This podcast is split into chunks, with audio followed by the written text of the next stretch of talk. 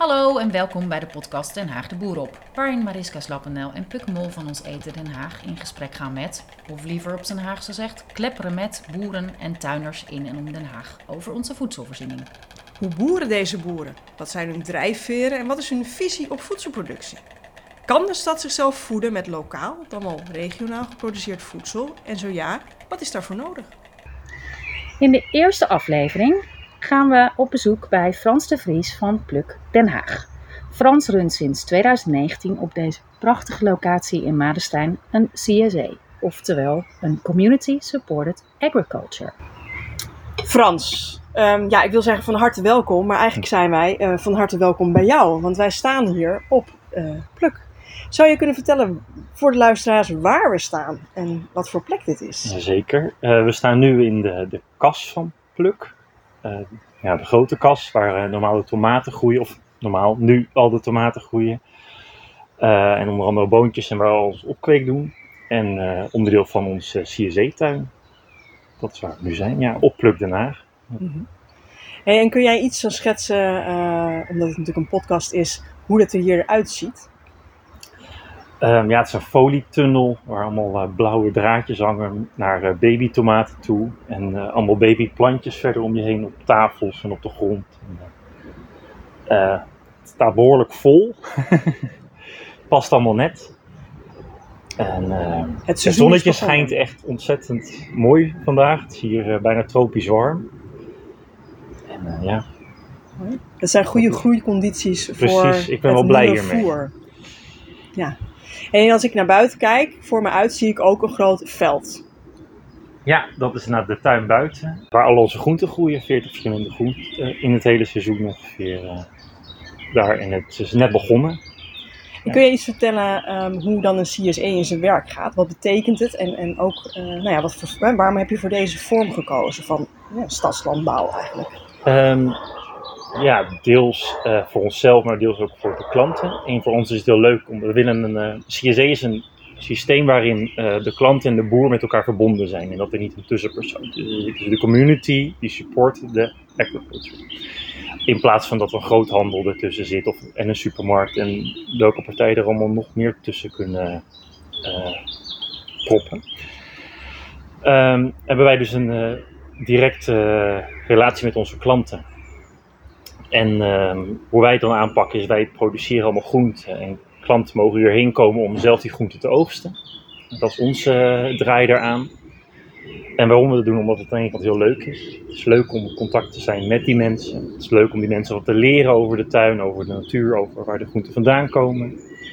Uh, leren wat er voor nodig is. En ook ja, dat het nu bijvoorbeeld een heel nat seizoen is. Uh, en dat het dan anders gaat dan dat je een seizoen hebt waar het al 20 graden is in maart. Dus dat is voor ons heel leuk. Uh, maar wat het ook, en voor de mensen ook heel leuk, hoop ik.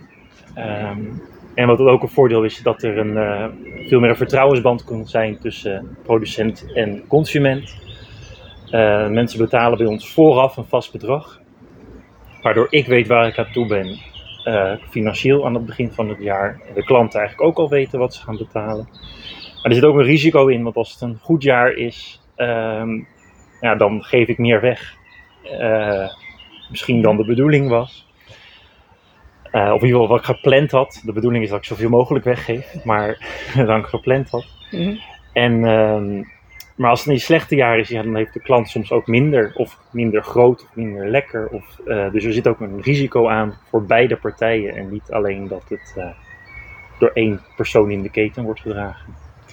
Want Frans, hoeveel mensen doen hier op dit moment aan mee? Uh, rond de 50. Dit jaar gaan we met 54 mensen, of abonnementen moet ik zeggen. Uh, sommige mensen doen samen met een abonnement, dus dan is het een stel. Dus ik denk dat er zo'n 80 mensen ongeveer direct betrokken zijn bij de tuin. Maar ik heb daar niet echt de cijfers van, want ik weet niet hoeveel, hoeveel mensen er thuis zitten, hoeveel kinderen ermee eten, hoe dat allemaal heet. Maar voor mezelf denk ik dat het rond de 80 of zo, uh, dat klopt wel ongeveer. Ja, en dat bepaal je dan toch, dat moet je dus eigenlijk aan het begin van het seizoen bepalen van hoeveel, hè, hoeveel ja. mensen denken wij hiermee te kunnen voeden. Ja, klopt. Ik ben uh, begonnen ooit met 25 mensen. Toen dacht ik, ik ga gewoon een pilot draaien en ik kijk hoe dat gaat. En dat ging gewoon heel goed en heel makkelijk. En zo ben ik steeds een beetje gegroeid. En ehm, eerst naar eh, 35, toen naar 45, wat eigenlijk wel 50 werd, omdat mensen zo enthousiast waren dat er meer aankwam. Eh, en nu doen we al drie jaar met die 50 en dat vind ik gewoon precies leuk. Als ik met meer ga, dan wordt de stress voor mij heel hoog om die productie bij te benen. Ik denk dat de tuin het wel aan zou kunnen om tot de 60, misschien 70 mensen te gaan. Ehm, maar dan gaat er veel meer op het spel staan. Dan eh, moet mijn planning veel strakker, moet ik veel meer opwerken. En als je zo vertelt hè, waar je begonnen bent en, en waar je nu naartoe gegroeid bent, wat is jouw beeld zeg maar eh, naar de komende jaren toe op deze plek? Eh, nou, ik hoop dat dit gewoon stabieler wordt. Dus dat, ehm, ik wil voor deze plek, als we het over de CSA hebben, dat het gewoon stabiel wordt, dat het systeem beter wordt, dat onze opbrengst hoger wordt, maar vooral ook leuker en lekkerder voor de mensen. Dat het bodempje wat we hier hebben gezond blijft of gezonder wordt zelfs eigenlijk liefst. Waar zit dat hem voor jou in? Een gezonde bodem? Eh, dat de bodem, het zal nooit zelfvoorzienend zijn, als in, het heeft altijd, halen er iets vanaf, dus er moet iets in. Mhm. Eh, maar wel dat, dat dat cirkeltje van erin en eruit, dat dat loopt. En niet dat, het uit, dat er een balans is. Met, ehm, en niet dat een balans is die ik heel erg moet sturen, maar dat het gewoon. ehm, dat ik met zo min mogelijk input eh, de, nat- de natuur zelf zijn werk laat doen eigenlijk. Mhm. Dat, eh, dat zou voor mij in balans zijn. Ja, mooi. Ik was nog even benieuwd naar de leeftijd van de mensen die hier aan meedoen. Kan je daar, heb je daar een beeld bij? Ik denk ehm, heel verschillend. Ik, ja, ja, ik denk, je hebt een, denk ik jonge gezinnen, dat is wel een, een echte doelgroep. Dus die hier komen voor hun kinderen. Dat vinden ze gewoon heel leuk dan, om die kinderen hier mee te nemen. Om ehm, te laten zien hoe het groeit, eh, wat er groeit, waarvan komt het vandaan. Nou, noem maar op. Eh, in die categorie. Of gewoon lekker een uitje met je kind. Dat kan, is natuurlijk ook gewoon leuk hier. Het is een mooie plek, het is rustig. Het is wat te doen, iedere zaterdagochtend. Ehm, maar ik denk dat we ook wel een wat meer eh, mensen hebben die bijvoorbeeld echt gewoon komen omdat ze het belangrijk vinden dat hun groenten lokaal zijn of onbespoten. Of dat ze weten waar ze het kopen in plaats van dat het eh, ja, een naampje is op een labeltje of een land op een label. Dus dat het gaat dan gaat het weer om die verbinding. Ehm, er zijn ook mensen die het gewoon heel leuk vinden. Die het een uitje vinden. Dus dat ze gewoon zeggen, oh ik wil gewoon eventjes lekker eruit zijn en gewoon lekker rommelen. Want even voor de duidelijkheid, mensen moeten zelf oogsten. Hè? Ja. Ja. ja, dus ze komen hier iedere week en dan zeg ik wel wat er te oogsten is. En dan eh, probeer ik altijd, er zijn altijd wel vijf groenten te oogsten. Maar ik probeer meer te hebben. Eh, en dan zet ik overal vlaggetjes neer, of nummertjes. En dan weten ze, oh hier kan ik wat halen, hier kan ik wat halen.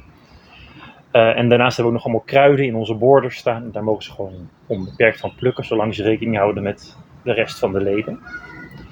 Ehm, dus ja, dat is ook een hele ervaring. En helemaal als het lekker weer is als nu, dan is dat ook gewoon heel relaxed, vind ik zelf. Wat is voor jou de reden om dit te doen? Hoe ben jij hiertoe gekomen? Ja, nou, ik, ehm, een beetje in mijn studententijd, toen ik studeerde archeologie, omdat ik dat wel, eh, dat leek me lekker praktisch. En veel buiten zijn, een beetje avontuurlijk of zo. Ehm, en ook wel natuurlijk, gewoon niet, niet te ingewikkeld, gewoon graven. Of met dingen van vroeger bezig zijn. En ik kwam er steeds meer achter dat het eigenlijk een heel erg ehm, stoffig beroep waar je achter een bureautje belandt met databases bezig bent. En, nou, dat was gewoon niet wat ik wou doen. Eh, toen was ik heel erg ook bezig met zelfvoorzienend leven. Van wat is nou de. waar gaat het nou eigenlijk om? En wat heb je nou eigenlijk echt, echt nodig? In plaats van wat wil ik allemaal hebben of wat hebben we allemaal? Nou, toen kwam ik een beetje in het, in het zelfvoorzienend leven wereldje terecht. En ehm, ging daar heel vol eh, idealisme een opleiding in doen, de Warmonderhof, om boer te kunnen worden, in ieder geval te leren boeren. Ehm, en dat was heel leuk, ik leerde van alles over het hele, ja, van, eh, van de koeien tot met de groentes tot met fruit. Je krijgt er alles eh, mee. Ehm, maar dat was ook wel een soort van reality check waarin naar voren kwam van hey, het is eigenlijk best wel moeilijk. Is niet iets wat, ja, wat je voor de lol misschien eventjes je hele leven zomaar gaat doen. Het kost je ook wat. Eh, het is gewoon hard werken. Het is eh, niet vanzelfsprekend. Je bent heel erg afhankelijk van de natuur. Mhm. Niet alleen van hoe hard je zelf werkt, maar er zijn gewoon andere factoren die spelen. Toen werd dat zelfvoorzienendheid steeds meer een soort van, poeh, het is wel zwaar, eh, maar dat boeren en dat voedselstukje, dat bleef heel interessant, vond ik. En toen was ik klaar en toen moest ik iets gaan doen. En eh, toen kwam er bij Pluk een eh, vacature vrij. En, eh, kon ik twee dagen aan de slag als begeleider voor de cliënten die hier werken. Ehm, nou ja, toen kwam er steeds meer ruimte om ook iets te gaan doen echt met de groenten en de tuin die we hadden. En toen dacht ik, hey, zo'n zelfoogstuin, dat vind ik gewoon een heel leuk concept. Eh, dat wil ik hier wel. Dat past ook wel met de cliënten samen en in de maatschappij staan. Alle bezoekers die hier toch al komen, dat matcht wel. Dus toen eh, mocht ik dat op gaan zetten. En eh, ja, ik run het nog steeds. Here we are. Ja. Ja, want daar hebben we het, je, je raakt het nu even aan met de cliënten, want het is nog meer hier dan alleen maar een pluktuin. Daar hebben we het Ja. eigenlijk nog niet over gehad. Wil je daar moment. iets meer over Ja. vertellen? Ja, ehm, ja, we werken hier met eh, React en dat eh, is een dagbestedingsorganisatie. Dus die hebben allemaal eh, cliënten die hier komen en die helpen ons mee met het dagelijkse gang van zaken hier. En dat is onder, onder andere op de tuin, maar ook in de lunchroom, en op de boerderij bij de dieren en in het park. En ja, we proberen hen een soort stabiele basis te bieden die zij misschien nodig hebben, of iets anders wat ze nodig hebben. Gewoon een structuur, op tijd komen, sociale contacten, eh, misschien wel de rust van wat het brengt. Het is voor iedereen iets anders. Ehm, dus eigenlijk alles wat we doen is ook op gericht dat zij hier het goed hebben en dat zij zich welkom voelen, dat zij eh, eh, nou ja, een plek hebben hier, of een plek in de maatschappij hebben. En ook wat ik heel mooi vind is hier dat het ook echt ergens toe doet. Ze werken ook voor de mensen die hier bijvoorbeeld komen oogsten. Ehm, en het zijn niet twee gescheiden wereldjes. Tenminste, dat proberen we niet zo te zijn. Dat loopt zoveel mogelijk door elkaar. De lunchroom is ook een goed voorbeeld van. Dat daar toch eh, de cliënten en de bezoekers samenkomen. Dus ja, die, die horen heel erg bij Pluk inderdaad. En dat is eigenlijk bijna het fundament van Pluk. Waarin we alles hebben opgebouwd tot we nu zijn. Het is mooi eigenlijk hoe eh, het mensaspect hier een heel erg op verschillende eh, aspecten tot uitdrukking Ja. komt. Op verschillende manieren. Misschien is het een mooi moment voor de stelling. Ja, die gaan we erin gooien. Stelling. Eh, met Frans aan jou de uitnodiging om hem met ja en nee te beantwoorden. En dan ook lekker de ruimte te nemen om jouw antwoord eh, erop te formuleren. En wij hebben als stelling: de stad kan zichzelf voeden met lokaal, schuine strepen regionaal geproduceerd voedsel. Maar ik zal eerlijk zijn, ik heb hem deze stelling net ook al gehoord. Dus ik heb er al een beetje over nagedacht. Mijn eerste impuls was om ja te zeggen.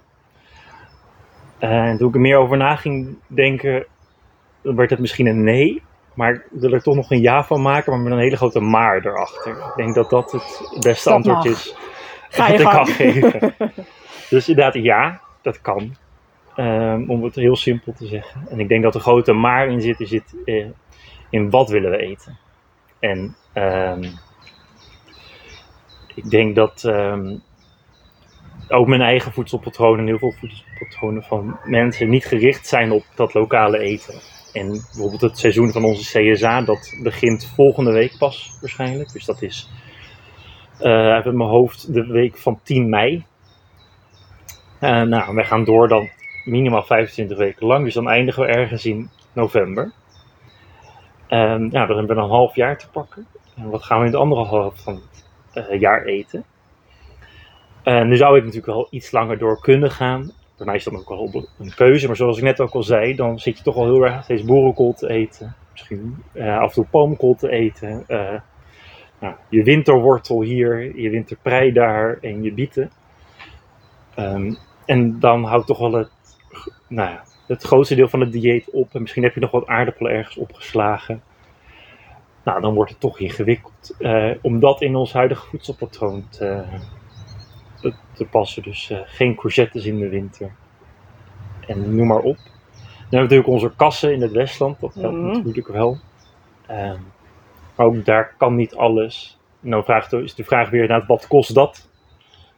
Ehm, en is het ja, is dat dan nog wel regionaal? Want als je gas nodig hebt uit eh, Groningen om die kast te verwarmen, is dat dan regionaal voedsel? Of hadden we dat dan net zo goed gewoon uit Groningen? Nou, of in ieder geval uit Spanje? Of, Ah, noem maar op. Dus- Ehm, Ja, dus het is ook eigenlijk zet je. ehm, dat is dan ook wel interessant, want de vraag is dan: wat verstaan we dan nog onder lokaal voedsel? Daar hebben we het niet over gehad. We hebben geen definitie gegeven van wat is lokaal voedsel. Ehm, heb jij daar een, ja, dat vind ik een mening of een visie bij van wat is voor jou lokaal? En ik denk dat voor mij lokaal betekent dat er een relatie zit tussen producent en consument. Ik denk dat ik hem zo zou willen invullen. Dus dat het niet met afstand te maken heeft. Maar, ehm, nou ja, ook wel een beetje. De afstand speelt een rol. Eh, ik denk als je duizend kilometer, dat er dan toch wel, eh, dat dat ver is. Dat dat niet meer lokaal te noemen is. Maar ook, nou, st- ik woon in het centrum, stel nou dat er in het centrum toevallig een boerderij is die van alles produceert, maar er zit eh, een groothandel tussen, of een eh, fabriek tussen een groothandel en een supermarkt en dan koop ik het. Dan vraag ik me af of het nog lokaal is. Omdat er zoveel stapjes tussen zitten, dat ik eigenlijk ook geen relatie meer heb met die producent. Dus eh, nou ja, ik denk dat voor mij daar een soort spanningsveld zit Mhm. Om het lokaal te blijven doen. En dat Ja. als je dus weet van, oh ja, het komt daar vandaan, ik kan er gewoon op de fiets naartoe. Ik- Deze man kan ik ook hooi zeggen, die zal me te woord staan, of zo, dat daar een soort het spanningsveld van lokaal in zit. Dus het is natuurlijk echt in de verbinding van, van mens tot mens Ja. eigenlijk ook weer. Ja, en dat die verbinding inderdaad, dat dat er is. En als je het allemaal tussenpersonen hebt, dan denk ik niet dat die boer erop zit te wachten dat al die klanten ook nog direct naar hem toe komen. Eh, ja, dat dat in ieder geval anders voelt. laat ik het Zo zeggen. Ja, wat ik hoor jou ook zeggen van met, maar misschien praat ik dan een beetje van mijn beurt, met alleen die CSA kan je, red je het niet. Hè, jij zegt hier ook, ik, ik lever 25 weken, maar die andere weken Nou, ik denk dat het, als ik iets meer oppervlak zou hebben, dat ik ook wel bijna het jaar rond. Er zijn ook CSA in Nederland die er wel het jaar rond oogsten. Maar wat ik al zeg, dan kom je wel in een vrij simpel E-patroon eh, terecht. Ja. Ehm, en ehm, de vraag is of mensen dat willen. Ik merk nu ook bijvoorbeeld aan het eind van het jaar, wat ik net al zei, sommige klanten vinden het gewoon de variatie wat minder worden. Dus het is ook minder druk in die week op november hier op de tuin. Dan dat het is eh, in, een, eh, in een juli, waarin tomaten, komkommers, courgettes, alles te halen valt. Dus het kan wel.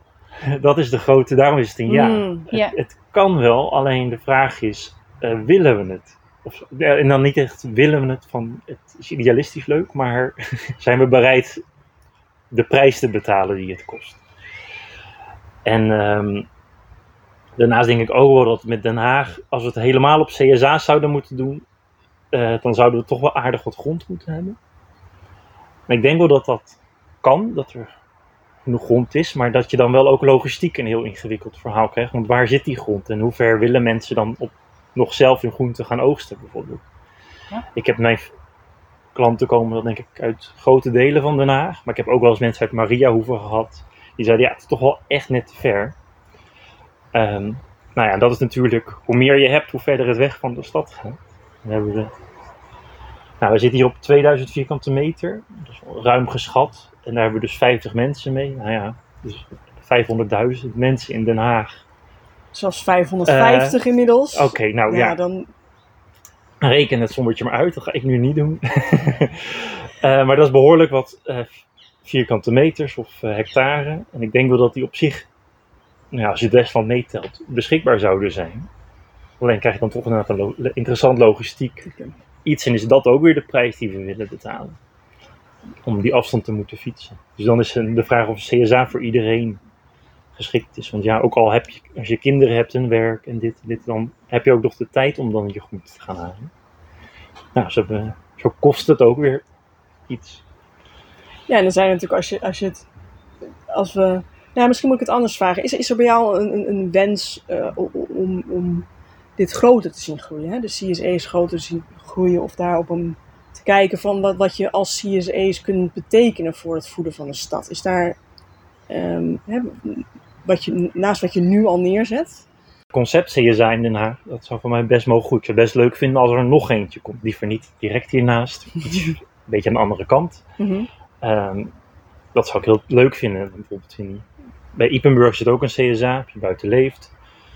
Eh Margriet, die ken ik ook wel. En dat vind ik ook gewoon heel leuk dat dat er zit. En dat loopt ook gewoon goed. Maar er is volgens mij is er ruimte voor nog meer. Want ik heb het seizoen is nog niet begonnen en ik heb nu alweer een wachtlijst. Hmm. Ehm, dus er kan nog veel meer. Ja, je voelt Ja. eigenlijk ook bij de vragen die jij krijgt eigenlijk een behoefte. Precies. Ehm, en dat is de vraag hoe groot is die behoefte, maar Ja, maar ook voor andere CSA's. Want ik kies dan voor het concept zelfhoogsteun als CSA. Maar je kan ook een pakketdienst doen als CSA. Dus dat je het niet hoeft te plukken, maar dat je het gewoon op kan halen bij een pick-up point. Of dat je het zelfs thuis bezorgd krijgt. Ehm nou ja, je kan ook een CSA doen die alleen maar eh, bloemen doet zelfs. Of alleen maar kruiden doet. Er zijn zoveel mhm. variabelen daarbinnen. Ik ben wel nieuwsgierig. Is er wel eens een boer bij jou, heeft bij jou aangeklopt of een tuinder? Hè? Want jij noemt jezelf een tuinder. eh, van joh, eh, Frans, ik heb wel ideeën. Ik zou wel... ehm, Ook zo'n tuin. ja. Eh, ik heb wel eens iemand gehad die gewoon hier kwam kijken inderdaad, die heel enthousiast waren, maar die hebben vaak dan nog geen grond. Eh, in ieder geval als het om Den Haag gaat. Ik heb ook wel eens het, gewoon contact in de andere delen van het land, dan is het meer gewoon een leuke uitwisseling. Maar die hebben vaak al een tuin. Maar hier in Den Haag is het toch vaak, ja, waar ga je het dan doen? Ehm, dus dat is wel een, eh, ja, daar zit dan het, het, het- daar loopt het eigenlijk al heel snel op vast. En weet jij waarom dat komt? Waarom ze geen grond hebben? Ja? Mhm. Ja, want dat is het moeilijkste stukje. Überhaupt, waar je ook bent in Nederland. Maar ik denk Den Haag nog wel helemaal. want Een groot verstedelijk gebied is grond gewoon een schaars goed. Eh, en veel waard. Ehm, dus ja, waarom zou dit bestemmingsplan naar een stukje agrarisch gaan? Er ook huizen gebouwd worden, of kantoren, of een park. eh, waar de buurt heel erg blij van wordt. Of, ehm, ja, ja, noem maar op wat er allemaal eh, voor wensen kunnen zijn met een stukje grond. Eh, en ik denk dat er aan de ene kant eh, weinig lobby is om echt die CSA's of stukjes agrarisch toe te wijzen in de stad. Mhm. Dat dat gewoon, eh, bij beleidsmakers staat dat niet heel hoog op de prioriteit. Omdat ja, ze hebben woningnood en noem maar op. Die staan allemaal hoog op, op de politieke agenda. En Mhm. dit is dan, zakt wat weg. En dat er ook geen lobby is om daar tegenop te, te botsen. Eh, en dat die tuinders zelf, dat dat vaak geen lobbyisten zijn, maar gewoon eh, handen in de aarde mensen.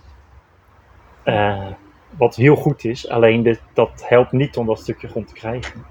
Dus ik denk dat daar gewoon een moeilijk eh, spanningsveld zit tussen inderdaad politiek, eh, ja, de marktwerking op van grond en de mensen die het willen doen of kunnen doen. En dat daar eigenlijk ja, geen stromende lijn tussen zit. Of, of überhaupt geen lijn misschien. Ik denk eigenlijk dat dit een. volgens mij gaan we naast een heel mooi verhaal en alle informatie die je hebt gedeeld, ook weer met heel veel dingen naar huis. Mhm. Voor de luisteraars en voor ons om verder over na te denken. Zeker. Puk, Ja. heb jij nog een brandende vraag voor Frans? ja, eigenlijk heb ik nog wel een paar vragen voor Frans. Spannend. Ik zou heel erg benieuwd zijn of jij ook, als we kijken naar eigenlijk, hè, eh, het gaat over verbinding met mensen en ook met toekomstige generaties, hoe we, hoe we met voedsel omgaan. Je hebt ook heel erg over het, eigenlijk het, het leren kennen. Heel veel kinderen komen hier.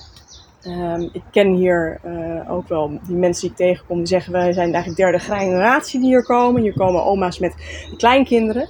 Zou jij, heb jij misschien ook een, een soort vraag of uitnodiging aan de, zeg maar, nou ja, de jongere generatie eh, onder ons?